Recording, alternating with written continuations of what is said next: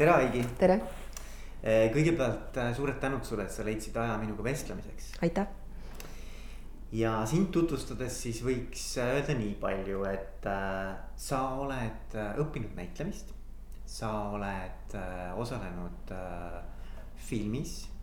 sa oled ka juhtinud telesaateid ja ma tean ka, et sa oled EBS-is või EBS-is käinud ärijuhtimist õppimas ja täna tegeled siis peaasjalikult teadliku muutuse kunstikursuste läbiviimisega. on see kõik korrektne? Äh, see on kõik korrektne, äh, teadliku muutuse kunstikursusi ma viin äh, läbi inimestele, kellel on probleemid sõltuvustega ja, ja esialgu siis neile, kellel on söömisega seotud sõltuvused ja sealt edasi siis tõenäoliselt mingil hetkel juba laiemalt teistele ka mm. -hmm ja jah, ja siis pärast äh, EBS-i või EPS, nagu sa ütlesid, koduselt lõpetamist ma siis olen ka erinevates ettevõtetes töötanud, kas turunduses või kommunikatsioonis, et selles mõttes, kui äh, me siin vestleme ka nagu osaliselt äh, juhtidega või juhtidele, et siis mingisugune selline väike juhtimiskogemus mul ka on, et mhm. võib-olla teemades tuleb juttu sellest ja siis ma saan seostada mm. -hmm. no väga armas ja, ja noh, nagu sa tõid juba sisse, eks ju, selle sõltuvuse teema, et, et, et sa oled ka tegelikult nagu avalikkuses päris palju rääkinud oma sellest taustast ja, ja minevikust ja. ja sealt ka minu huvi tegelikult kogu selle teema vastu sinuga rääkida tekkis, et, et kuna äh, minu siis kuulajaskond on eelkõige siis juhid ja juhtimisest huvitatud inimesed. et siis rääkida sõltuvustest aga pigem siis nagu tööga seotud sõltuvustest, et nagu noh, ma ei tea, kas töönarkomaania võib-olla nagu, nagu natuke liiga nagu jõuline sõna, aga ütleme nagu töösõltuvus, eks ole. ja, ja esimese küsimusena ma võib-olla küsikski niimoodi, et, et kui me üldse tahaks aru saada, et mis asi see sõltuvus on või millal me saame hakata rääkima üldse sõltuvusest et siis äh, mis see sinu nagu selline lähenemine või sinu, sinu kogemus on, et, et millal saab rääkida päriselt sõltuvusest, sest noh, töö võib mulle ju meeldida.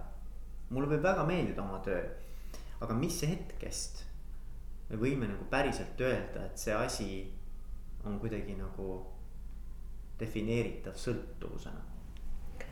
Äh, sõltuvusena nii töö kui äh, mis tahes teine sõltuvus mm, sõltuvusena on defineeritav olukord siis, kui äh, see tegevus äh, hakkab häirima inimese teisi eluvaldkondasid ja mitte nagu nõrgasti, aga juba päris tugevasti. et teiste valdkondade all ma pean silmas näiteks tervist mm, -hmm. näiteks suhteid, lähisuhteid, äh, näiteks meeleolusid,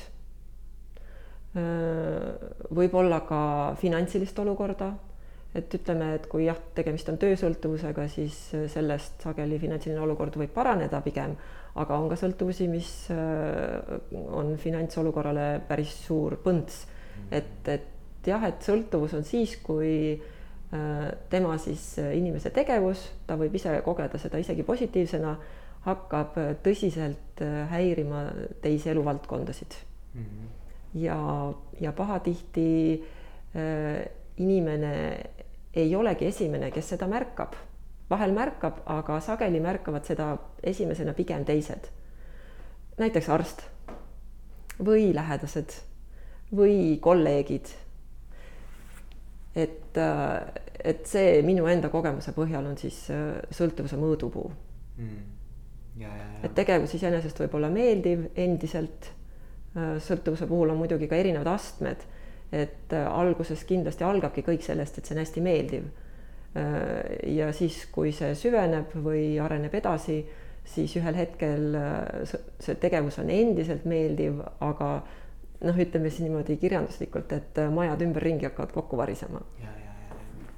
aga kui me nüüd võtame nagu töö sellise sõltuvuse teema, et kas sa oskaksid nagu natukene juhtida siis äh, meie kuulajate tähelepanu nagu, et millele nad võiksid äh, noh.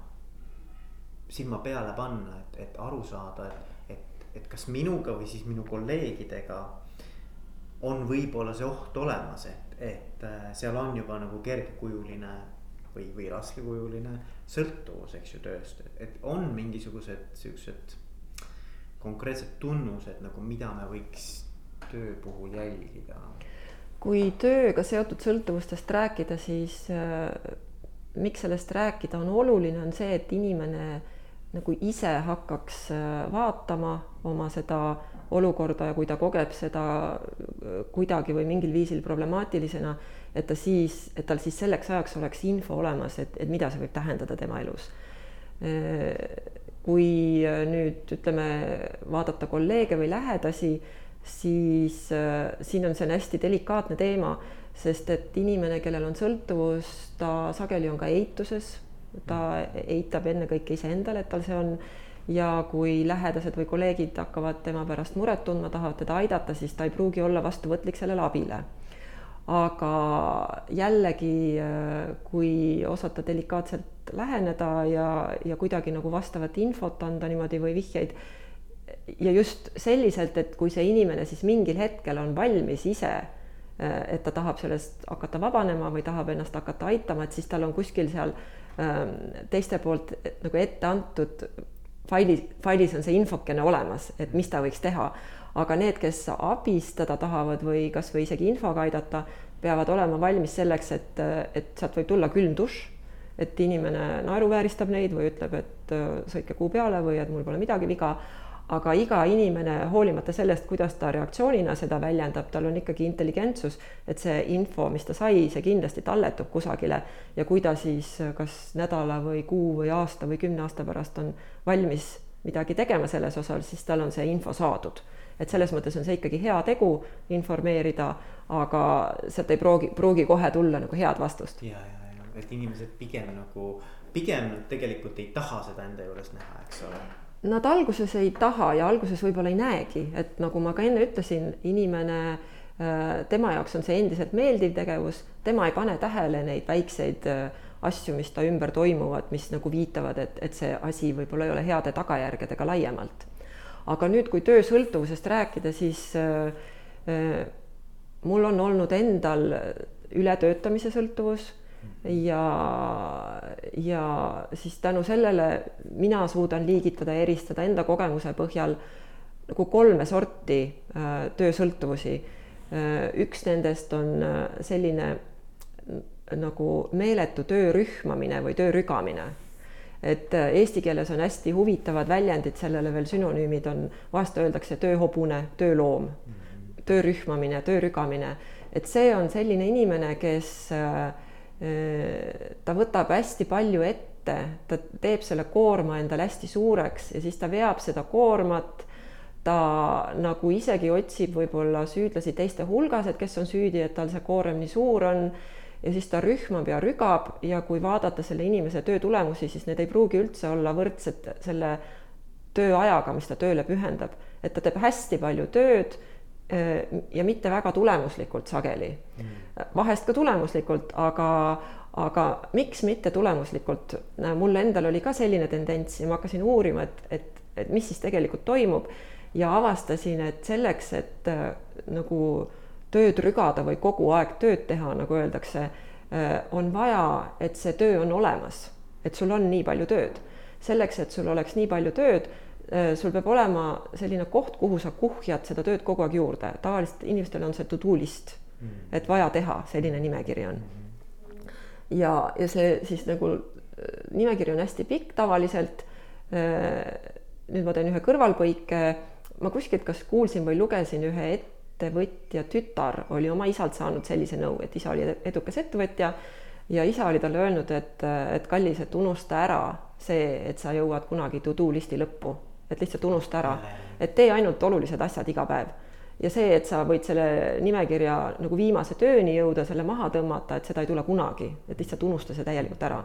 ja mul oli hästi huvitav seda kuulata, sest mul oli ka selline idee, et, et ma jõuan kunagi sinna to do listi lõppu, siis on see helge päev ja ma tegin erinevaid jõupingutusi, et sinna jõuda ja üks viimaseid oli see, kus ma mõtlesin, et kolm kuud ette, et iga päev tõusin enne kukka ja koitu ja pärast läksin öösel magama. tõesti siiralt uskudes ja lootes, et ma jõuan sinna lõppu, see ei juhtunud. mis aga juhtus, on see, et äh, nagu ma ütlesin, et mul endal on olnud ületöötamise sõltuvus. Äh, ma olen kahel korral jõudnud sellise olukorrani, mida võib nimetada läbipõlemiseks läbipõlemisel on ka palju erinevaid faase ja staadiume, mõned on hästi raskekujulised. Minul oli kaks võib-olla kergemat, üks oli see, et kui ma olin teinud selle kolmekuise pingutuse ära, noh, sellele veel eelnesid ju ka pikad aastad kohutavat töö tegemist. Mhm. tegin selle kolmekuuse spurdi veel ära ja siis ma lihtsalt avastasin, et ma olen eh, juba nii väsinud, et, eh, et ma ei jaksagi üldse enam tööd teha, et ma ei jaksa hommikul hakata tööd tegema. vahet ei ole, palju ma maganud olen, isegi kui ma olen piisavalt maganud, lihtsalt on tekkinud selline totaalne väsimus, et, et see on selline organismi nagu esimene signaal, et, et, et ta ei ole nõus seda kaasa tegema mm. füüsis ei ole nõus seda kaasa tegema, mis iganes ambitsioonid või motivatsioonid mul selles osas on Äh, aga teine oli, äh, sellest õppetunnist ma ei õppinud. ma seal kuidagi taastusin ja siis äh, võtsin jälle ohjad enda kätte ja asusin tööd rühmama. aga teine oli märksa tõsisem, et, et selle puhul tekkis selline, mm, tekkisid tasakaaluhäired ja siis kerge iiveldus, et kui ma näiteks, minu töö oli arvutis, et kui ma läksin arvuti taha, siis ma tundsin, et nagu organism äh, nagu teeb nagu shutdown'i, et, mm. et lülitab välja ja läbi sellise kerge iivelduse tunde. ja siis neid märke ma võtsin juba palju-palju tõsisemalt. Mm. ja siis äh, võtsin kasutusele ka meetmed, kuidas, seda ma võtsin tõsise märguandena ja siis sellest ma teadlikult hakkasin vabanema. ma võin ka pärast rääkida, kuidas ma vabanema hakkasin, aga enne ma veel mainiks, et mis need teised kaks ja. töösõltuvust on. et see on siis selline töö rühmamine, töö rügamine. näiteks ühes Eesti Päevalehes oli ka üks uuring tehtud, oligi öeldud, et eestlased on, teevad hästi palju tööd Äh, aga, aga töö ei ole sageli väga tulemuslik. aga mina ka, kui ma mõtlen, et ega koolis ju ei õpetata tegelikult tulemuslikkust äh, ja, ja noh, Vene ajal oli üldse plaanimajandus, et siis nagu ka nagu noh, sa pidid mingit normi täitma, aga noh, keegi ei rääkinud nagu töö ei olnud nagu sätitud tulemuste järgi väga, et see tuli selle aja muutusega. Äh, ja enamus inimesed on tõenäoliselt omandanud selle töö käigus olude sunnil ja tõenäoliselt kõige paremini on selle omandanud Äh, võib-olla ettevõtjad, kelle töö on sunnitud olema seotud tulemusega. et, äh, et juhi töö ka kindlasti juhi pool, juhist loomulikult oodatakse tulemusi, aga nad ei ole nagu kogu ihu ja karvade ja hingega nagu seotud siis nende konkreetsete tulemustega, tänu millele nende ettevõte võib olla elus või kasvada. -hmm. et see on siis üks töösõltuvus, niisugune töö rügamine. teine on, nagu sa ennist ütlesid, töönarkomaania see on töönarkomaania ei ole sageli üldse edutu, vastupidi. töönarkomaania tulemuseks võib olla väga suur edu, võib olla väga suur tunnustus, võib-olla lugupidamine, võivad olla autasud. sageli need inimesed, kellel see on, nad siiski ei ole õnnelikud. kindlasti on ka õnnelikke, aga enda kogemuse põhjal ma jälle võin öelda, et ma ei oska kõigi eest rääkida, aga see töönarkomaania on pigem seotud äh, sellise saavutusega või saavutamisega, et sa äh, nagu tahad saada kellekski, tahad saada millekski, tahad olla selles osas parim näiteks, tahad saada kiita selle eest, tahad olla tunnustatud, lugupeetud. Äh, ja need ei ole üldse sellised soovid, mis on inimesele endale nähtavad Need on nagu alateadlikult mm, sellised nagu edasiviivad äh, motivaatorid. inimene ei pruugi ise üldse teadvustada, mis teda edasi viib. Äh, kuigi noh, on ka, on ka noh, on võinud lugeda siit, siit ja sealt, et et näiteks äh, mõni inimene seal noorena näiteks otsustas tekkis võib-olla hirm või kõhedus, et mis tast saab, kas tast üldse keegi või miski saab, siis ta otsustas, et minust peab keegi saama ja see otsus, et minust peab keegi saama, võib lõpuks päädida töönarkomaaniaga. Seal, nagu ma ütlesin, võivad olla väga korralikud tulemused, väga head tulemused, nii rahalised kui autasud, lugupe-, lugupidamine, kõik see võib seal olla, aga jällegi, kui me vaatame seda, mis toimub selle inimese ümber, siis me näeme, et seal võib olla üksindus, seal võivad olla purunenud suhted, seal võib olla rikutud tervis seal võib olla veel mõned muud sõltuvused, mis on sinna juurde siginenud tänu sellele, et, et, et mõned elu alustalad on paigast ära. et, et ikkagi see on selline olukord, mis on kreenis, mhm. et ta ei ole nagu tasakaalukas olukord. olgugi, et väliselt paistab kõik väga hea ja väga imetlusväärne. ja siis kolmas töösõltuvus on, mida ma olen ka tuvastanud ja jällegi ka enda peal, on see, et inimene on hästi samastunud oma töörolliga. Et ta saab ettevõttes mingisuguse positsiooni või rolli ja, ja ta noh, kuidagi ei oska ennast nagu sellest rollist nagu eraldi olevana näha.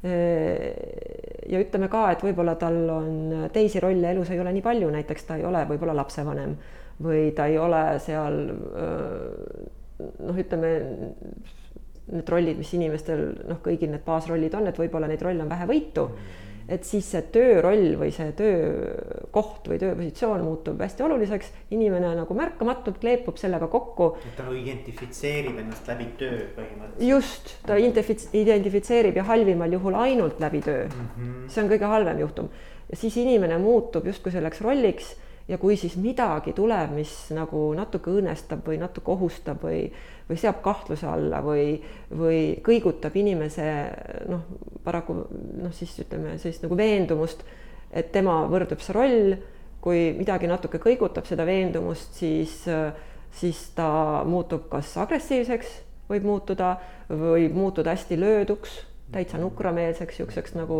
meelehärm võib tulla. Yeah või, või siis ta lihtsalt nagu tardub. et need on sellised arhailised inimese noh, kolm äh, sellist käitumuslikku reflektoorsust, kuidas ta siis sellise olukorraga, kuidas ta sellisele olukorrale küll kahjuks reflektoorselt vastab, kui ta tunneb, et tema mm, positsioon elus on ohustatud.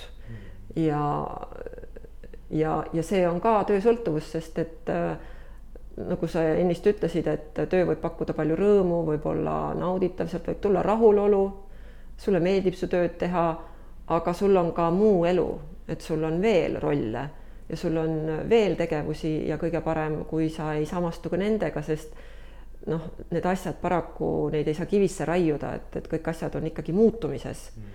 ja, ja noh, mida nagu kohanemisvõimelisem inimene on äh, nendes muutuvates maailma asjades seda parem on tema elukvaliteet. see on muidugi huvitav, et see just see nagu tööga või noh, ütleme siis oma rolliga nagu identifitseerimine, et. et noh, et ma kujutan ette, et mõned inimesed noh, eelkõige siis võib-olla seal üheksakümnendate alguses, kui oli see suur selline noh, Eesti ka sihukene ärimaailm hakkas nagu tohutu kiirusega nagu kasvama ja siis olid need ületöötamise ajad võib-olla veel hullemad, eks ole. et, äh, et inimesed võisidki nagu kogu oma energia ja, ja, ja noh, seda on räägitud ka, et panidki nagu töösse, eks ju. et pereelu jäi kõrvale, hobid jäid kõrvale, tervis jäi kõrvale, on ju. et sul oligi nagu ma ei tea, viieteist, kuueteist tunnised tööpäevad ja muud elus nagu põhimõtteliselt ei olnudki et ma just mõtlen, et, et, et, äh, et noh, see viib nagu kindlasti selleni, et, et sa, sa võid olla edukas, nagu sa ütled, on ju. sa võid tegelikult olla väga edukas lõpuks. aga sa ei ole, sa ei ole õnnelik.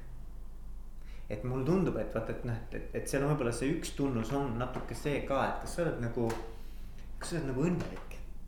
Et see õnne nagu dimensioon, ma ei tea mis sinu arvamus on, aga mulle tundub, et nagu see on ka üks oluline tunnus, et kui inimene ikkagi on. no ta, ta nagu teeb kõik ära, ta, ta ju võib isegi olla, ma ei tea, mis konkurssidel ja mis tasemel ja mis konkurentsis olla esimene. aga ta ei tunne päeva lõpus, et, et tead, et see andis mulle nagu mingi sellise nagu mõnusa sihukese õnnesüsti. Et siis nagu kuidagi tundub see kõik mõttetu see üheksakümnendatel korraks, kui sa kirjeldasid, siis ma vaatasin, et seal võis juhtuda ka see, et, et korraks järsku sai nagu äri teha. et nagu paisu tagant pääsemine, et sinnamaani ju seda võimalust ei olnud.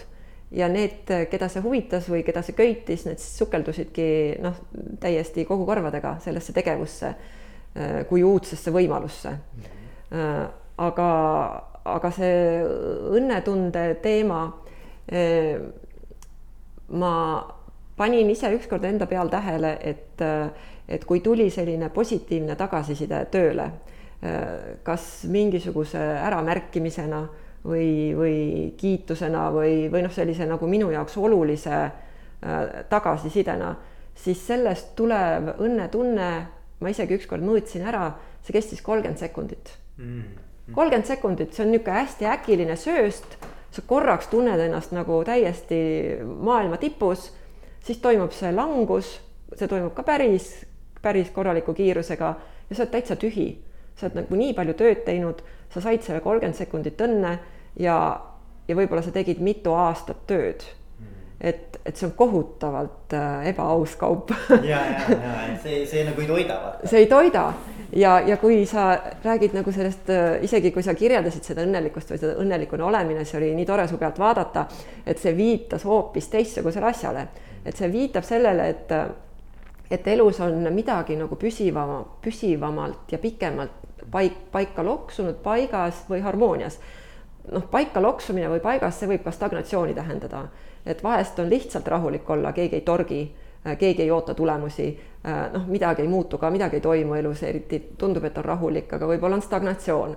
aga, aga harmoonia on võib-olla parem sõna siin siis, kui et paigas, võtan siis selle harmoonia sõna, et see tähendaks siis seda, et, äh, et sul on väga mitmed asjad elus paigas või ütleme harmoonias, et sul on võib-olla lähe, lähedussuhted on head Äh, ja siuksed nagu arenevad, noh, et, et, et see areng on ka seal oluline, et äh, muidu noh, inimene on mugav ju ka ju loomult ikkagi. Ja sellised platood meile meeldivad, mugavustsoonist räägitakse, aga, aga seal kaob ka see õnnetunne ära, kuigi rahulikkus võib jääda, sest äh, noh, midagi ju ei toimu. aga õnnetunne võib kaduda ära, sest noh, elu on progress või elu on selline protsess, mis orgaaniliselt areneb. Ja me ju arenema eluga koos, et, et mingi, mingid arengud ikkagi ma olen vaadanud, võiks erinevates protsessides, protsessides toimuda. et muidugi, kui inimese tervis on väga hea ja seal ei olegi midagi arendada, siis, siis ka selline väike seire on areng, et sa nagu jälgid natuke, vaatad, et kuidas keha, kuidas füüsis tunneb ennast ja ja kas on kangem näiteks talvel või noh, et, et võib-olla on tervis korras, aga areng on ka see, kui sa nagu hoiad silma peal, nagu ise juhid seda protsessi mm, -hmm. et ei jäta saatuse hooleks. ja, ja siis harmoonia, lähisuhted võivad olla harmoonilised. Äh, võib-olla, võib-olla on veel lisaks tööle mingi huvitav hobi, võib-olla on ka töö ja hobi koos. Äh, võib-olla on veel mingid huvid, millega sa tegeled. Võib-olla on sõpruskond, see ei pea olema suur, võib-olla ka üks sõber ikkagi sul on ka mingi sõprussuhe, mis on hästi ja teete seal erinevaid asju. et, et noh, elul ei ole väga palju siukseid, ütleme siis noh, sellisel tavaelul ei ole väga palju alustalasid, mõned on püsivalt neid kõiki paika saada, nii et nad kunagi enam halvaks ei muutu või laiali ei lagune, ei ole võimalik. see on ka põhjus, miks osad inimesed võib-olla noh, pöörduvad noh, noh nagu öeldakse, spirituaalsuse või vaimsete teemade või, või siis näiteks ka jooga poole, enesejuhtimise poole, et kuidas ikkagi juhtida oma elu endast lähtuvalt niimoodi, et, et see paratamatu maailma loomus, mis on muutuv, et see ei lõhu elu ära.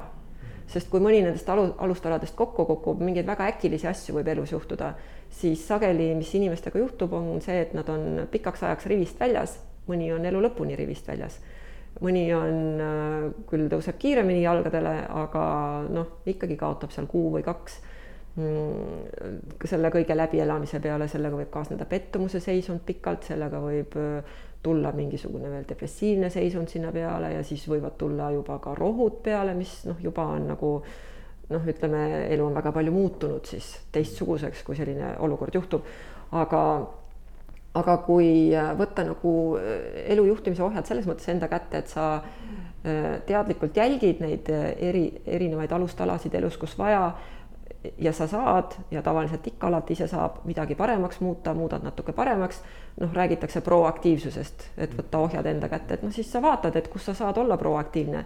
Ja, ja kui selliselt äh, on need alustalad paigas, siis, siis on võimalik äh, tõepoolest, et see argielu õnn äh, kestab kauem, on stabiilsem, aga jällegi enda näite puhul ma võin öelda, et, et mina kogen argielu õnne alles praegu ja ma olen neljakümne nelja aastane ja miks ma seda varem ei saanud kogeda, põhjuseks ei olnud ainult sõltuvused, milledest osadega ma maadlesin päris pikalt, aga põhjuseks olid need kõige tavalisemad asjad, mis meil kõikidel on, olid emotsioonid ja mõtted.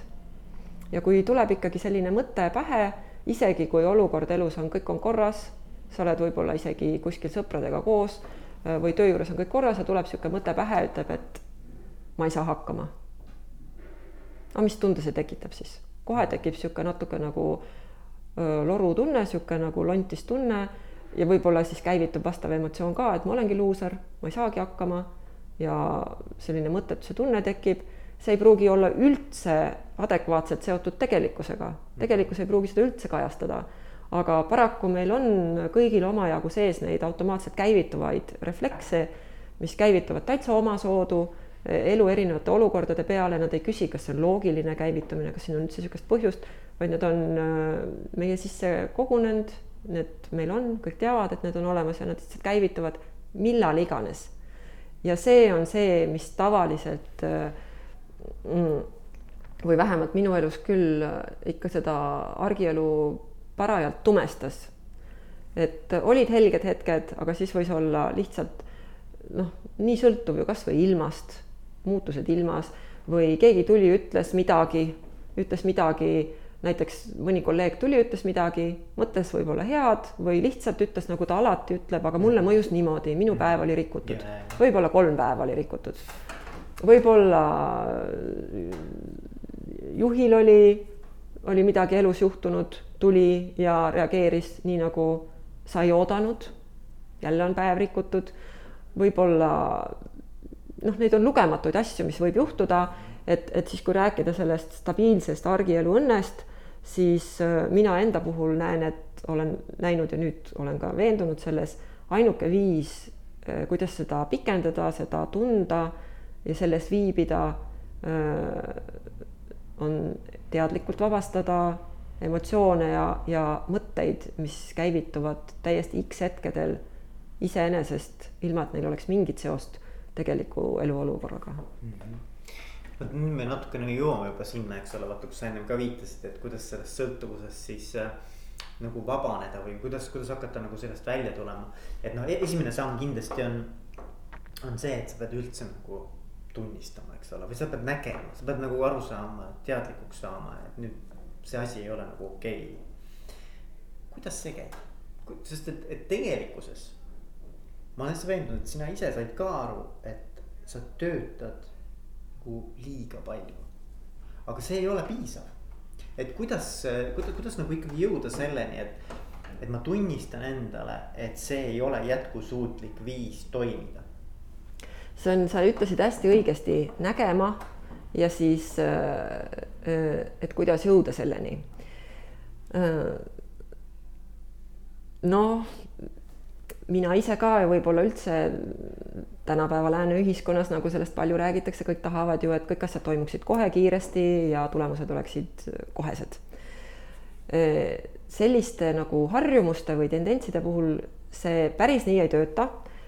Sest ütleme, kui inimene on kakskümmend, kolmkümmend aastat, ta on oma tendentsi välja kujundanud kahekümne, kolmekümne aasta jooksul näiteks, noh, kui mõnel ka kümme, võib-olla mõnel viiskümmend siis äh, see on olnud mingi protsess, mis on olnud kujunemises pikka aega, ilma et inimene oleks seda ise teadlikult kujundanud. tema võib-olla lihtsalt tahtis teha mingit meeldivat asja, mis andis talle korraks hea tunde, võib-olla andis pikemaks ajaks hea tunde, ta vaatas, hea tunne tuli, teeb uuesti seda asja, isegi kui need on nagu väga kahjulikud tegevused. noh, töötamine ei ole kahjulik tegevus, töötamine muutub võib-olla kahjulikuks siis, kui see läheb nagu üle piiri, mm. aga noh, mõned asjad on ka ilma üle piiri minemata kahjulikud noh, näiteks kasvõi üks väga kummaline sõltuvus on, ma ei tea, kas eestlastel on seda, aga USA-s see on levinud, et on osad inimesed, kes saavad kuidagi nagu adrenaliinilaksu sellest, kui nad ületavad sõiduteed väga ohtlikus kohas mm.. noh, nagu jaywalking on selle nimi, et nad kõnnivad nagu sõiduteel okay. ja nad ei, vot sellel ma pikemalt peatuda ei tahaks, aga see on väga kummaline, et noh. see on siis ikkagi seotud selle dopamiini ja serotoniini ja nende tasemetega, et sa saad mingi laksu sellest, et sa on nagu ohtlik. ohutunne tekitab korra nagu siukse mul end-, mul endal pole seda olnud, sest mõttes ma ei oska öelda, aga noh, kui vaadelda seda olukorda, et tõesti, et inimene satub eluohtlikusse olukorda ja võib-olla ta tunneb seal, et ta on kuidagi superelus või adrenaliin või noh, tead selline olukord. et, et see on selline sõltuvus, mida noh, ka ükskord selle praktiseerimist võib lõppeda kehvasti. et, et seal ei peagi seda väga kakskümmend, kolmkümmend aastat öö, ei pea viima seda siis selle hetkeni, kuni see on juba kahjulik et ta on väga palju seotud siis, kuidas sul noh, nagu Hetke, hetkes läheb mm, -hmm. siis kuidas sul seal läheb siis seal sõidutee peal, aga aga kui nüüd äh, hakata rääkima sellest, et kuidas äh, aru saada üldse, mis toimub, siis äh, siin kõlbab vana hea uurimismeetod. ja see on ka see meetod, mida joogid on kasutanud, et üldse jõuda teatud arusaamisteni, teatud avastusteni, teatud taipamisteni ja leiutisteni. Ja noh, loomulikult mitte ainult joogid, vaid noh, joogasid nimetatakse muinasteadlasteks, aga kõik teadlased. et, et selline teadlaslik lähenemine, mina vahest ütlen Sherlock Holmes ka sobib mm -hmm. siia, sa oled nagu detektiiv, sa hakkad vaatama, et okei okay, näiteks ütleme siis, võtame siis ületöötamise puhul, siin on mul hea kohe enda näide tuua. Et, et oma arust oled jube tubli, teed hästi palju tööd, rühmad ja rassid, kogu aeg on to do list on mitu lehte pikk ja, ja ja siis hakkab tulema nagu noh, väsinud oled niikuinii, aga, aga sa mõtled, et noh, et see käib nagu asjaga kaasas, et sa ju tööd, töötad palju, oledki väsinud, et see on niisugune õilis väsimus, et sa oled selle välja teeninud. et see on niisugune nagu ikkagi ka positiivne asi. aga siis hakkab tulema väljast signaale, näiteks teised inimesed natuke hakkavad nagu kommenteerima. Keegi ütleb näiteks, et sa töötad liiga palju. esimene kord, kui keegi mulle seda ütles, mina mõtlesin, see on kompliment. mina sain sellest ainult hoogu juurde mm. -hmm ma mõtlesin, et noh, et ma olengi, töötangi väga palju, ma olengi väga tubli. aga siis läks aeg edasi, võib-olla vahepeal oli see üks väike läbipõlemine seal ja taastusin väsimusest ja ja siis, kui uuesti tuli kelleltki signaal, et, et, et sa teed liiga palju tööd, siis ma vaatasin, et okei okay,, et nüüd see lause tuli uuesti, ühesõnaga lihtsalt, et lühemalt rääkida sellest igasugused signaalid, mis tulevad teistelt inimestelt, need ei pruugi meeldida või vastupidi, mõni võib meeldida, saadad valesti aru algus, aga võib ka tulla niisuguseid reklaame, kus inimesed, noh, mõni inimene, võib-olla eriti lähedane inimene ütleb otse midagi, võib-olla tal on villand sellest juba ja, ja. ja ta ütleb isegi natuke ärritunud ja sa võid ka algust solvuda, aga see on data. et seda infot tasub võtta ikkagi luubi alla. Et mida ta selle all silmas pidas, võib küsida täpsustusi, võib äh, vaadata tervist võib vaadata, et okei okay,, kunagi see töö mulle väga meeldis, aga kas ma juba väga praegu ei tee tülpinult ja pika hambaga, seepärast et äh, ma olen lihtsalt nii kohutavalt väsinud, võib-olla juba olnud mitu-mitu-mitu-mitu aastat mm. -hmm. võib vaadata lihtsalt nagu vaadelda, et, et sa ütlesid enne, et, et nägemine, aga võib-olla võib kasutada ka sellist sõna nagu teadvustada. sa võid nagu teadvustada, et mis su elus üleüldse toimub, kas su elu on täisväärtuslik kas see ületöötamine, kas sa läbi selle tunned, et su elu on täisväärtuslik? kas sa tunned, et midagi on puudu? Äh, kui sa saaksid praegu kohe viis miljonit eurot, kas sa tunneks, et midagi on veel puudu või see kataks kõik su vajadused? Mhm. kui sa saaksid praegu äh, kõikide tunnustuse, kellele, kellele või kelle nimel või kelle pärast või, või kelle tõttu sa tööd rühmad, sest vahest ju ka inimesed äh, tahavad olla tublid ja tõestada ennast selleks, et võib-olla neil oli kunagi seal lapsepõlves või noorepõlves keegi inimene, kellele nad nüüd tahaks tõestada, et ma olen tegija, näiteks võib-olla ka nii vana motiiv. inimene on ise täitsa ära unustanud selle. Äh, aga niisugune taotlus on taga, et ma pean saavutama, ma pean saama nüüd selleks et äh, ja kui sa saaksid siis ühel päeval ka kõikide inimeste, nende inimeste, kes on sulle olulised, tunnustuse kas sa siis tunneksid, et kõik on nüüd kaetud või oleks ikkagi midagi puudu ja kui sa tunned, et midagi on puudu, siis järelikult äh, sa oled noh, natuke kreeni läinud, sa ei hoolitse oma elu teiste osade eest. et kõik see algab ikkagi sellise teadliku vaatlemisega. et sa vaatled tagasisidet nii oma kehast tervise mõttes, nii oma meeleoludest, oma rahulolu, kas sul on õnnetunne, rahulolu, kuidas nendega on, kui ka teistelt inimestelt mis tahes viisil nad seda ütlevad mm, -hmm. nemad on ju ka mingis oma kohas sel hetkel, aga tuleb jätta see emotsioon kõrvale, millega ta ütles ja vaadata seda infot, mis laekus, et kas sellel on pointi ja siis nagu üha rohkem nagu avada silmi enda olukorra osas. see on esimene samm mm. -hmm. ja sa ütlesid tunnistamine, vot kui see eeltöö on tehtud, see uuring on tehtud ja sa saad aru, et ups, mul vist on töösõltuvus mm -hmm. või et, et oi, et väga huvit-, noh, et ma vist olen töönarkomaan mm. -hmm. et, et siis, kui sa selleni jõuad, siis, siis see on nagu selle teadvustamisprotsessi lõpp. et sa oled siis nagu tunnistama hakanud, sa oled nagu ise teada saanud mm -hmm. tegelikult.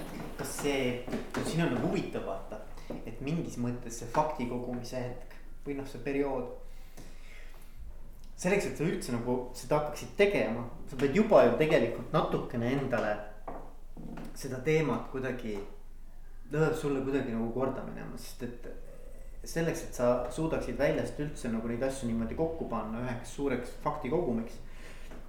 sa pead olema avatud sellele mõttele. ja siis ühel hetkel võib-olla tõesti on nii, et see pall on nii suur, et sa nagu oled sunnitud nagu mõnes mõttes peeglisse vaatama, ütlema, et asjad ei ole hästi siin just tuleb mängu see enesejuhtimise aspekt, et äh, tänapäeval ju ka räägitakse, et, et äh, hea juht on ennekõike väga hea enesejuht.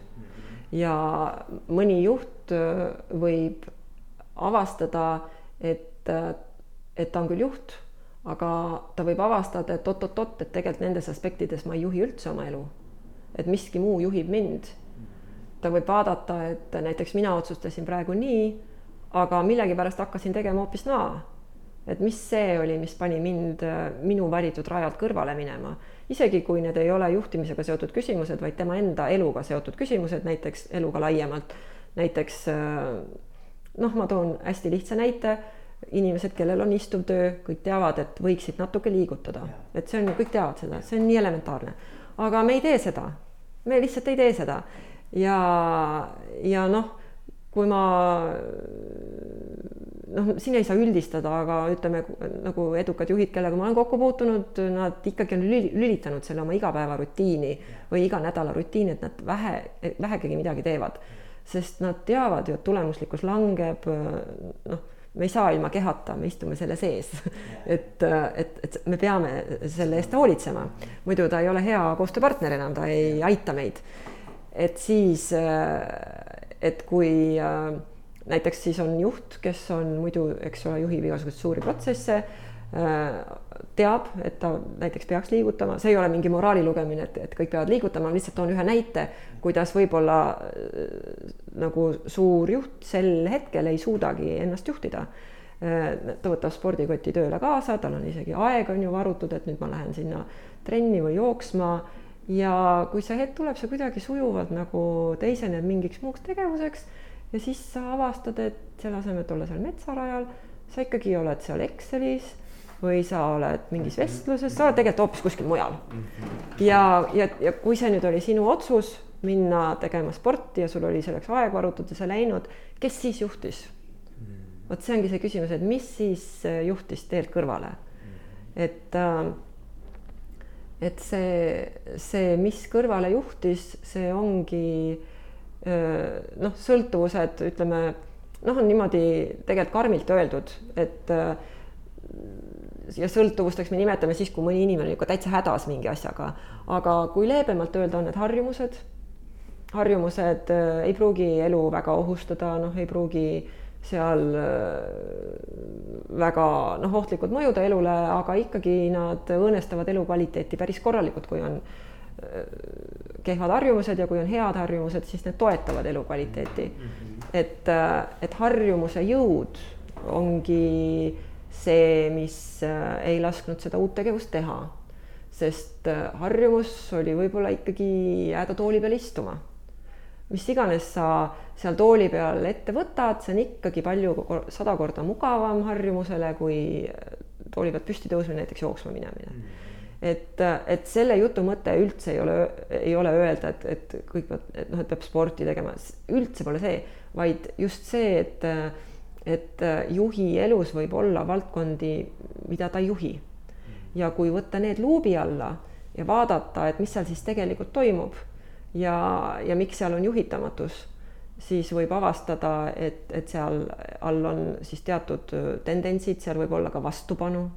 see on ka harjumus, nagu vastupanu tuleb sisemine niisugune vastupanu, et ei taha minna, ei viitsi, on kõige lihtsam nagu sõna, lause, mida kasutatakse selle puhul, aga tegelikult, kui sa hakkad uurima, siis sinu sees on nagu selline nagu noh, emotsionaalne sur-, pinge, mis ja see emotsionaalne pinge noh, väljendab väga selgelt seda, et ei, et ma ei taha minna seda tegema.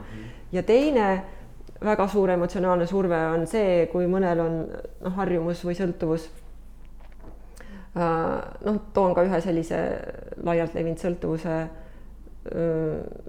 mis on mul ka endale tuttav, noh näiteks natuke järsult öelda kellelegi et enne kui sa noh, saab ju sõnad kinni nabida ja nagu suu kinni hoida nii-öelda, aga enne kui need sõnad hakkavad välja tulema, tekib sees selline tohutu noh, nagu emotsioon või selline surve mis nagu tahab, et sa seda ütleks mm. -hmm. see on niisugune nagu, vot see on nagu teine tendents, et ühest küljest on harjumus võib-olla selline, mis paneb sind äh, midagi mitte tegema, öeldes, et ma ei taha ja see on hästi konkreetne, hästi tugev, isegi niisugune jonnakas.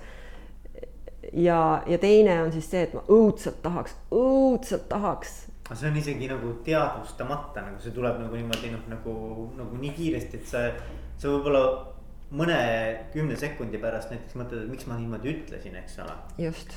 saad nagu aru, et oh kuidagi nagu ehmatad ise ka natuke ära, eks ole. aga sel hetkel see on nagu siukene nagu rush nagu, nagu sihuke tuleb nagu emotsiooni nagu laviin. just täpselt nii nagu sa ütlesid, nii ta mm. tulebki mm. -hmm. ja, ja noh, kui ei ole õpitud seda märkama eos, ei ole õpitud seda vabastama eos, siis ta nii välja tulebki mm -hmm.. noh, teine variant on alla suruda, aga noh siis võib saada, ma ei tea, maohaavad no kui väga palju emotsioone alla suruda, siis. kuidagi ta peab välja, välja tulema. siit ja sealt on kuulda ju, et, et füüsisele see ei mõju hästi mm.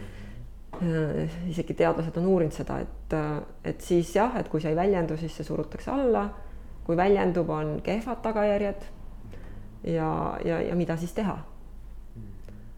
et see enesejuhtimise teema on jah, selline see eeldab äh, teatud laadset äh, äh, sisemise meisterlikkuse kasvu. et sa ühest küljest juba nagu hakkad nägema ja eristama neid impulsse ja tendentse.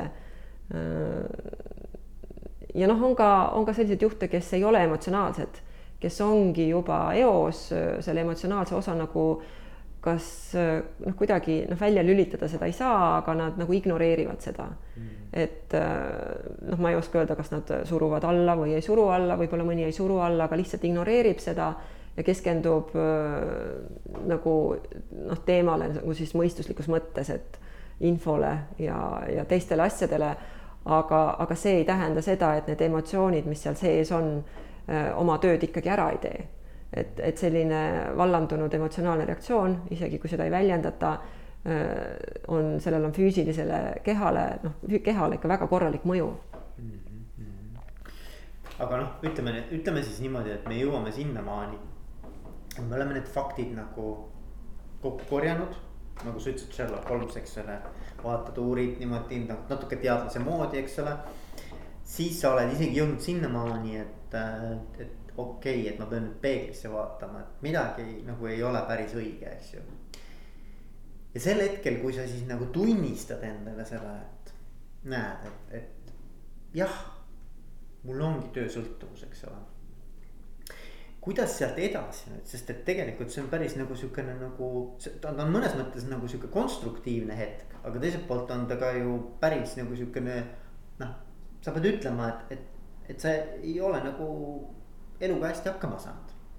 sa pead nagu tunnistama endale seda, et see ei ole nagu noh, ei ole hästi läinud, eks ole. et, et kuidas sealt edasi, kas, kas seal käib mingisugune plõks nagu sul siis kuidagi identiteedis või, või kuidas edasi sealt minna? sa ja hästi, väga hästi ütlesid, et, et tekib selline tunne, et sa ei ole eluga hakkama saanud või ei ole elus hästi hakkama saanud.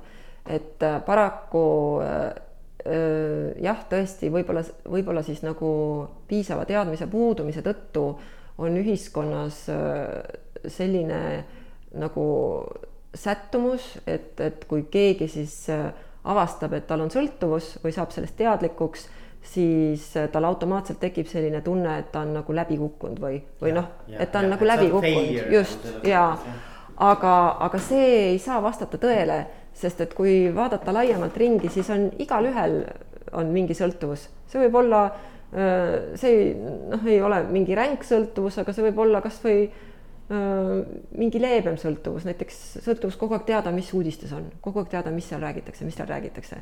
et ja, ja kui sa ei saa seda teada, siis sa tunned ennast halvasti, sa tunned ennast rahutult. et sõltuvus ju seni, kuni äh, sa saad seda asja, mis sa tahad näiteks kasvõi teada saada, on kõik hästi, aga vot sõltuvus, sa siin alguses ka küsisid, et kuidas siis teada, et sa oled sõltuvuses. väga lihtne, ka teine mõõdupuu on see, et üks on see, et hakkab elu häirima, aga teine on see, et kui sa jääd sellest korraks ilma, kuidas sa ennast siis tunned. ja kui sa näiteks inimene, kes on, tahab kogu aeg uudistega kursis olla, noh, miks mitte, muidugi on hea teada maailma asju, aga kui sul tekib selline näiteks paar päeva või kolm päeva sa ei saa üldse uudistele ligi kuidas sa ennast siis tunned, kas tekib ärevus, kas tekib kerge higi otsa ette, kas tekib rahutus, kas tekib, tekib nagu võõrutusnähud, nagu võõrutusnähud, vot väga hea, et sa selleni jõudsid, et töösõltuvusega on sama. Äh, ja miks ma nagu äh, tahaks öelda, kuna ma olen selle enda läbi teinud, et ei noh, muidugi tekib selline korraks niisugune nagu lontis tunne, et, et nüüd ma olen sõltlane ja noh, umbes töösõltuvus ja issand jumal, et pole üldse nagu edukas inimene. aga, aga see tasub kohe täitsa kõrvale jätta, sest see on selline kuidagi külge poogitud noh, tekkinud hinnang on ju meil kõigil kollektiivselt, et pigem ikkagi säilitada seda teadlase või detektiivi positsiooni ja vaadata, et okei okay,, ma avastasin, et mul on see, see on lihtsalt mingi asi meil on ju palju asju, häid ja halbu, meil on võib-olla igaühe kelder on häid ja halbu asju pilgeni täis. sa ei ole selles mõttes kellestki halvem, lihtsalt sul on üks asi. Ja siis äh, võiks järgmise asjana vaadata, et äh, kas sul õnnestub seda mitte teha.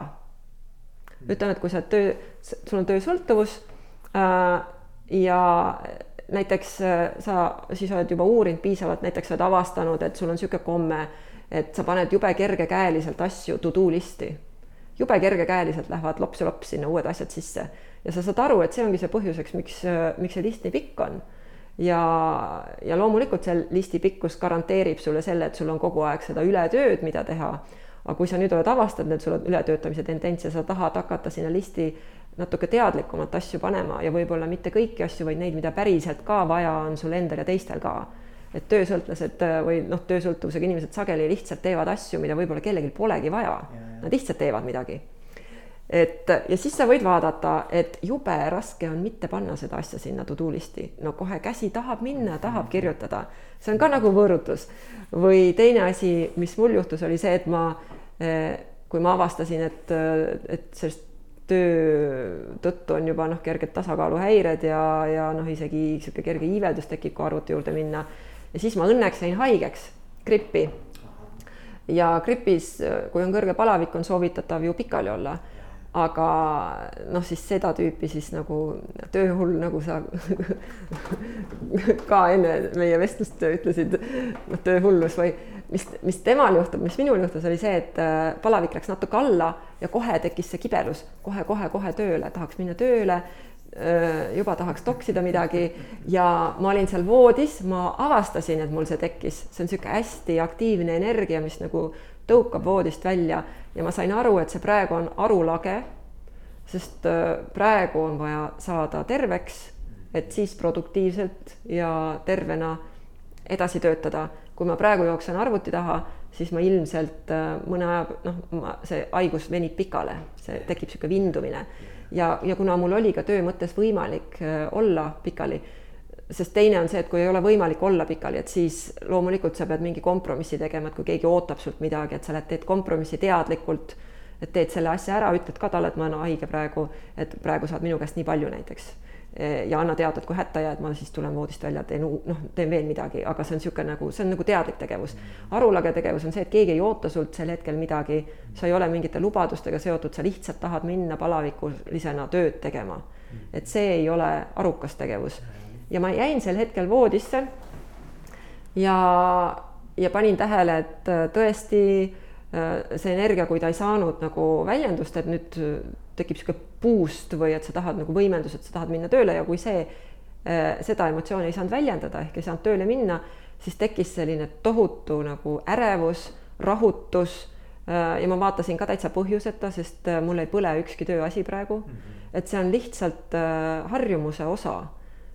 et ja mida sellega siis teha ja mida ma tegin, oli see, et kuna ma olen teadliku muutuse kunstikursustel õppinud vabastama emotsioone ja vabastama kontseptsioone, siis ma sel hetkel, olles voodis pikali, võtsin ükshaaval hetke, teadvustasin ükshaaval neid emotsioone, mis käivitusid, vabastasin. Neid käivitus mitmeid erinevaid, ärevus on üks, õudne kihk tööd teha on teine mm,. siis selline, siis, siis ma vaatasin, mis mul nagu mõtete tasandil ringi liikus, seal oli näiteks niisugune mõte, ma pean tööd tegema niisugune -hmm. sund, ma pean tööd tegema. aga kui vaadata, kas see mõte haakub tegelikkusega, hetkel ei pea tööd tegema, hetkel oleks targem voodis olla, siis on ka olemas selline tehnika, millega selle mõtte mõjujõud tühistada nii et, et sul ei, sest nii kui pähe tuleb mõte, ma pean tööd tegema, käivitub emotsioon, mis lükkab sind seda tööd tegema. et samamoodi ma toon nüüd ühe teise näite sisse, mis on natuke teisest sõltuvusest, aga võib-olla see aitab paremini kirjeldada, on näiteks inimene, kellel on söö, ülesöömissõltuvus, näiteks ta noh, sööb üle, eks. ta on seal laua taga, söömine on lõppenud, kõht on ammu juba täis ja tal tekib niisugune mõte, et tahaks veel tahaks veel on mõte ja kohe käivitub niisugune emotsioon, mis nagu niimoodi hakkab kibelema, nagu tahaks, nagu tahaks võtta midagi veel juurde. et äh, ja jällegi e, täiesti ebaadekvaatne tegelikkuse suhtes, sest et kõht on täis ja, ja toit on keha jaoks. noh, võib-olla tõesti meelte jaoks ka, et lõhnad, maitsed seal kõik, aga see kõik on juba tehtud, see on lõppenud. Ja nüüd on miski sees käivitus, mis ütleb, et, et ta tahaks veel. Ja kes see tema siis on? Et kui me vaatame, siis mõistus hästi tihti räägib meie nimel, meie eest. Äh, noh, näiteks kui peas on selline mõte, et, et ma olen loll ja sa vaatad, kas sa oled loll, mida loll tähendab, loll tähendab seda, et sa ei oska mitte midagi. Äh, ja sa vaatad, et sa ju tegelikult ei ole loll. võib-olla sa käitusid äh, mingis olukorras, noh, võib-olla mitte kõige arukamalt aga see hinnang, et ma olen loll, olen, see tähendab, et sa oledki täielikult loll, et see ei vasta üldse tõele yeah.. et seal on mõistuses nii palju arulagedaid mõtteid, mis ometi väga peenel moel meie elu nad kindlasti juhivad, aga nad mitte ainult ei juhi, vaid nad ka sätestavad mm. Et, et me oleme nende mõtete siis raamides, et vahest räägitakse ka inimeste nagu inimese raamidest või piirangutest et nende mõtetega, mis meie peas meie kohta on, sellised me olemegi. seal on muidugi ka vast, väga vastuolulisi mõtteid, näiteks ma olen loll, siis teine mõte võib öelda, et ma olen kõige targem. noh, need on vastuolulised ja siis, siis noh, vahest räägitakse, et miks inimestel on segadus või miks neil on üks hetk tunnevad ennast nii, teine hetk tunnevad ennast naa, mis on ka väga hea materjal segaduses olemisena tundmiseks. et, et, et see põhjus ongi selles, et, et meil on äh, sees kahte liiki nähtused ühed on emotsionaalsed, teised on mõttelised, mis, mis meie elu kujundavad mhm. sellisena, nagu nad on ja, ja ütleme, kui nüüd ei oleks, ütleme, et see inimene siis, kes on ületöötaja, näiteks nagu mina olin, ma olin gripiga, olin seal voodis ja kui nüüd on teine olukord, ütleme, et neid mõtteid ja emotsioone ei ole, mis kihutavad tööle.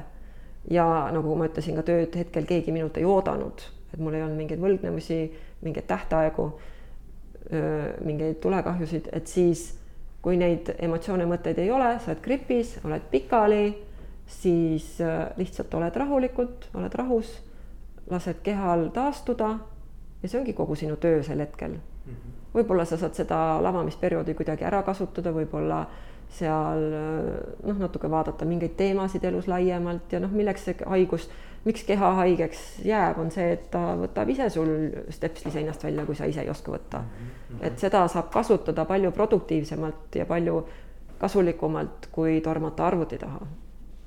Et, äh, et äh, jah, et kui inimene on, on hakanud aimama, et tal on võib-olla midagi näiteks tööga noh, midagi ei ole päris noh, rahuldust pakkuv hakkab uurima, mis see on, mis need, millest see siis koosneb, mis see teiste tagasiside on, siis vaatab oma tegelikku olukorda, siis võib-olla jõuab tõdemuseni, et on töösõltuvus ja siis vaatab, kas ta saab seda töösõltuvust ise lõpetada.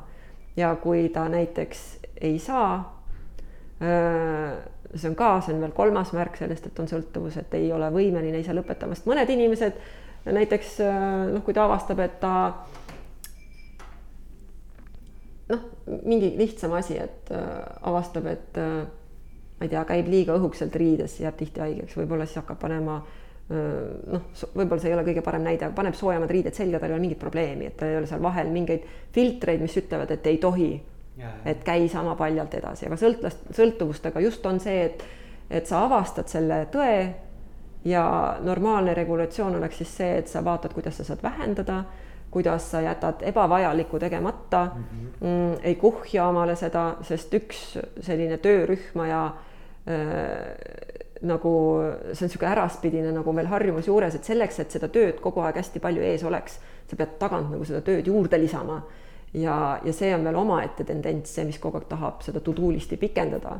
et, et võib-olla mõnel juhul on niimoodi, niisuguseid juhtumeid on ka olnud, et inimene taipab mis tal viga on, taipab, mis temaga toimub ja sellel taipamise hetkel ta vabaneb sellest. Ta saab aru, issand, need tegevused ju, need on täitsa mõttetud ja jätab need kõrvale. et see on niisugune kõige lihtsam, kõige kiirem. et see on nagu taipamine koos otsustamisega. just ja kui sa taipad, siis isegi ei ole vaja otsustada, sest sa said lõpuni täielikult sellest teemast aru ja sa lihtsalt enam ei tee seda. Mhm. aga see ei äh, saa väga paljude inimeste osaks millegipärast, ei anta sellist nagu taipamist ja mina nagu taipamise teel ei ole tegelikult äh, ühestki sõltuvusest vabanenud, kuigi ma olen kuulnud, et inimesed nagu on vabanenud, et nad näiteks nad on taibanud, et issand, et mis ma, mis ma seda teen, et nii loll harjumus, ma olen ikka täitsa sooda, et ja siis lõpetab ära ja lõpetaski ära. aga noh, nendel juhtudel võib ka juhtuda see, et see sõltuvuse tendents kandub siis teiste sõltuvuste peale, et ta lõpetab ühe ära, aga aga sinna teise kohta tekib niisugune uus, et vot seda ma ei oska öelda, mul endal ei ole sellist taipamus, taipamisega sõltuvust vabanemisest olnud. Noh, mul endal on ikkagi pigem olnud see, et kui ma siis lõpuks avastasin selle teadliku muutuse kunsti, siis selle abil ma olen üksipulgi kõik harjumused ja sõltuvused niimoodi lahti võtnud. Noh, ma ei saa öelda kõik harjumused, mul kindlasti on harjumusi, mis on lahti võtmata, aga ütleme siis need sõltuvused, noh, mis nagu elule nagu väga otseselt ei ole hea mõjuga. Et need ma olen küll kõik üksipulgi lahti võtnud ainult siis tänu nendele tehnikatele. ja see ei käi üleöö, aga mis on inspireeriv, on see, et iga kord, kui sa selle impulsi nüüd seda sõltuvust teha vabastad äh,, järgmine kord on see impulss, neid impulsse on palju, sest praktiseeritud on mitukümmend aastat, nagu ma ütlesin, neid impulsse on kogunenud ja proff, täielik proff mm, -hmm. siis iga järgmise korraga on see kergelt nõrgem. et see haare sinu üle nagu me enne ütlesime, enesejuhtimine, et kas sa siis juhid ennast või on miski muu sinu sees, mis juhib, et kui see harjumus juhib, siis selle harjumuse haare sinu üle on üha nõrgem, üha nõrgem, üha nõrgem, nõrgeneb, nõrgeneb, kuni lõpuks seda ei ole. ja see teema, ütleme, kui siin on praegu jutt töösõltuvusest, siis äh, üks asi juhtus, mida mul pole kunagi olnud elus, on see, et äh, vot on selline ilus sõna nagu töökas inimene. ja venelastel on trudoljubije nagu, nagu tööarmastus töö. hästi-hästi tore sõna ja töökas inimene on selline inimene, kelle peale saab loota, kes on arukas, kes teeb lubatud asjad ära. ja noh, ütleme siis niimoodi, et ta ei ole nagu laiskleja või ta teeb ilusti kõik ära. aga, aga ta ei rassi siin seal noh, higisena keel vestil arulagedalt, noh, võib tulla perioode, kus on vaja rohkem pingutada, aga, aga, aga töökas noh, inimene ta ütleme, et isegi kui tal on mingi selline projekt, mis vajab nagu teatud perioodil pikemaid töötunde, siis ma olen avastanud ühe niisuguse loodusliku nähtuse, mis mul enne ei olnud kättesaadav. et sa teed tööd, teed tööd, teed tööd ja tõesti tunnid on veninud pikemaks, aga siis tuleb üks hetk, kus sa saad aru, et siit edasi enam looduslikult ei ole normaalne. Et see on nagu, aga vanasti vot inimesele on antud selline võime üle selle piiri sõita. Sa võid sundida ennast, tee veel, kõik need sunnid, käsud, mis on sees, saavuta, need, nende sundide ajal sa võid hakata seda piiri korduda, korduvalt üle laskma, kuni sa enam ei märkagi seda piiri.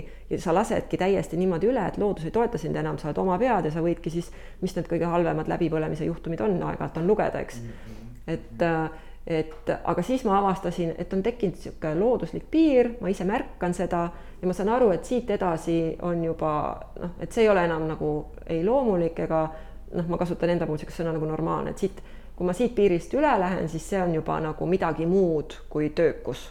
see on juba midagi muud.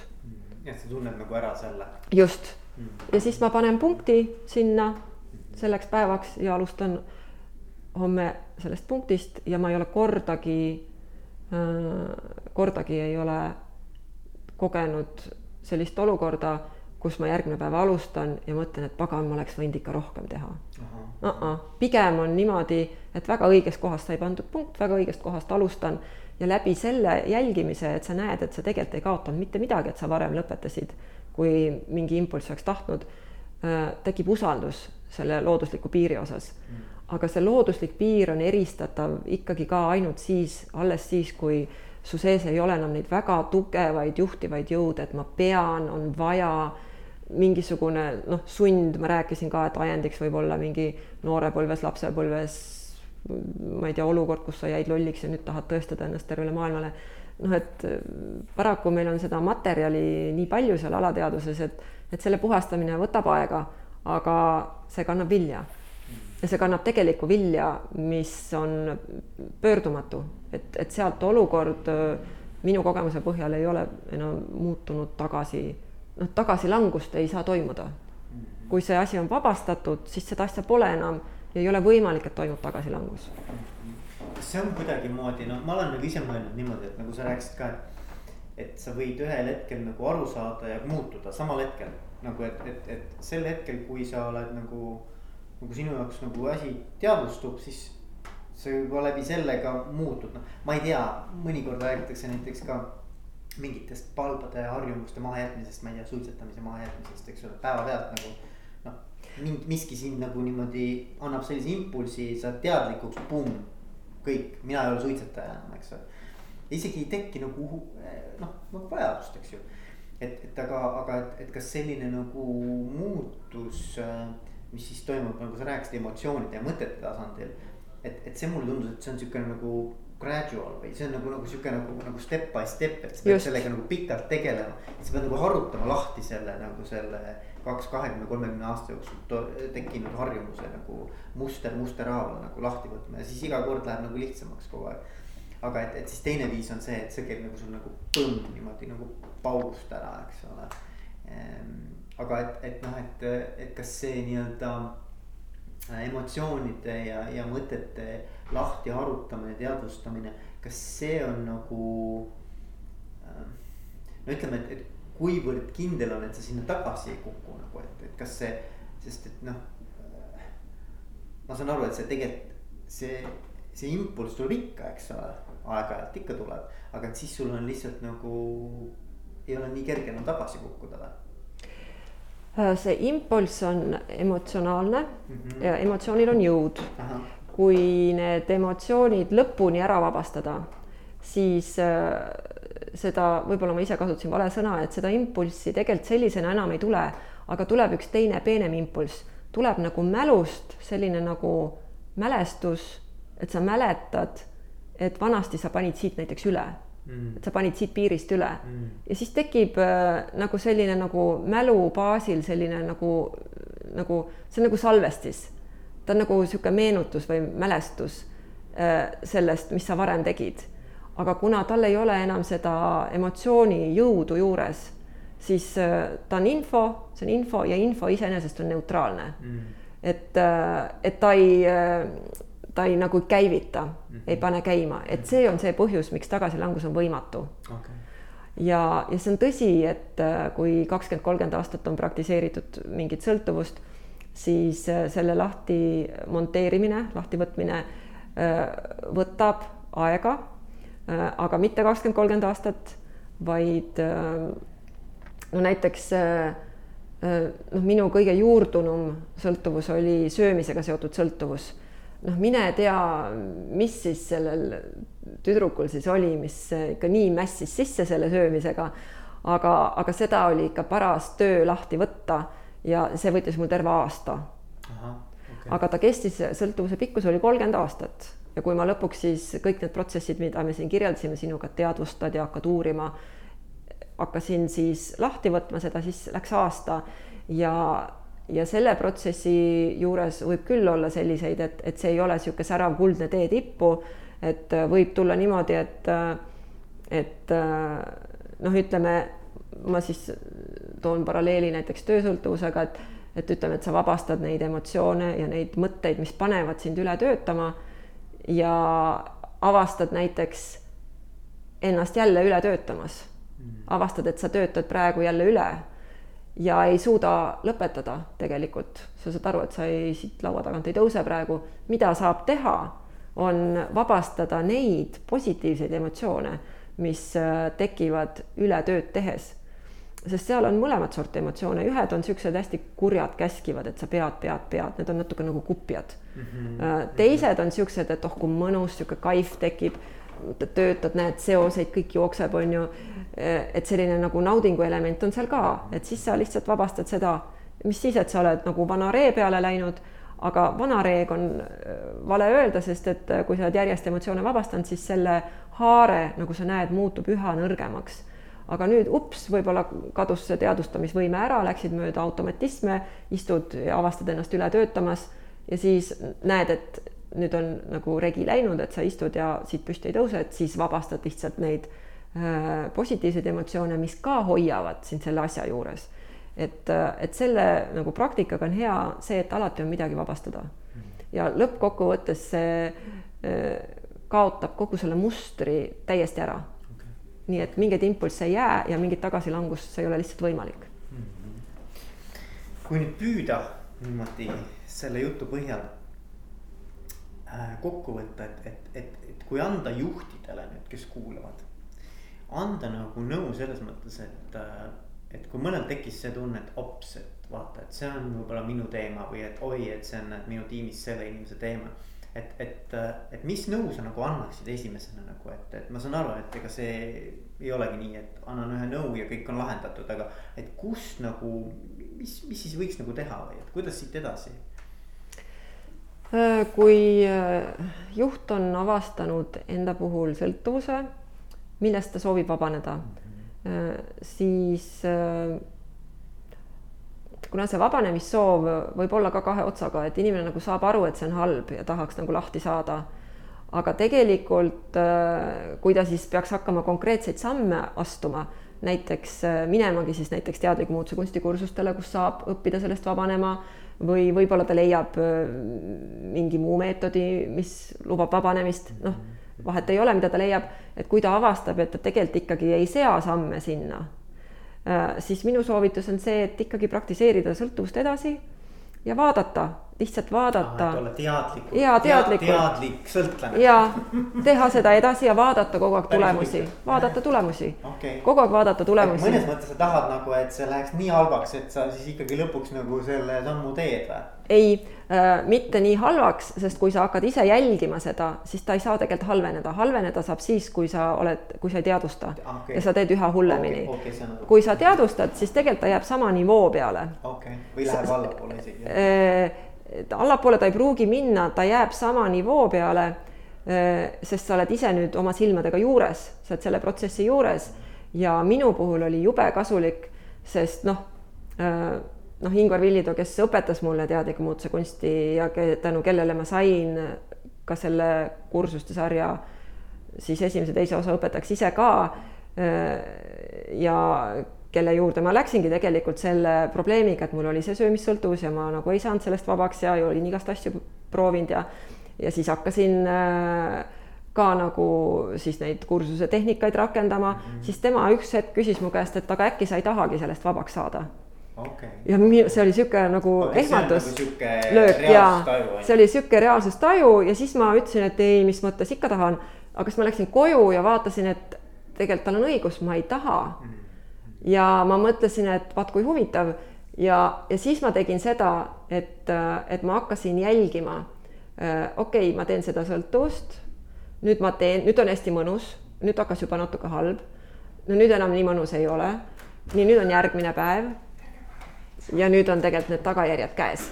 ja tagajärjed, elan need tagajärjed läbi, elan terve järgmise päeva läbi, vaatan jube noh, nõmedalt pikalt kestab, taastumine on päris raske ja nüüd ma olen taastunud ja nüüd on natuke aega normaalne olla. ja nüüd jälle tekib see kihk. Ja nüüd ma jälle lähen sellega kaasa. Ja jälle teen selle kõik läbi. Ja on hea. Ja nüüd on halb. Ja nüüd on veel halvem. Ja nüüd on ikka taastumine väga pikalt kestab, väga äh, madala produkt-, produktiivsusega olen muus osas, kõik läheb taastumise peale. Ja nüüd hakkab jälle otsast peale. Ma tegin seda äh, vähemalt viis korda läbi. Ja kui sa teed, noh, ma ütlen, kui sa viis korda arukalt vaatad pealt, mida sa teed ja millega see lõpeb, sest tegelikult, mis selle inimene, kellel on sõltuvus, mis, mida ta tegelikult teadvustab sageli, on ainult seda, et ups, nüüd algas, nüüd läksid trumm ja läksid pulgad ka ja siis järgmine hetk, mida ta teadvustab, on see, et nüüd tekkis jälle soov. seda mhm. vahepealset perioodi ta nagu üldse pole olemaski ah,. Okay. See nagu kõik, see kirjutatakse noh, niimoodi kontolt maha, et see nagu polegi üldse kadu mm.. ja mina lihtsalt hakkasin nägema, kui suured kaod, kui suured kulud on seotud sellega nagu e-, energiale igas mõttes, igas mõttes. Mhm. ja siis äh, ma viis korda vaatasin selle otsast lõpuni läbi ja kui sul on nii palju infot siis see ei ole võimalik, et, et, et arukus ei lülitu sisse ja sa ei hakka vaatama, et okei okay,, et mida siis nagu oleks vaja teha, et seda muuta. Väga huvitav. kuule, aga aitäh sulle, Aigi. aitäh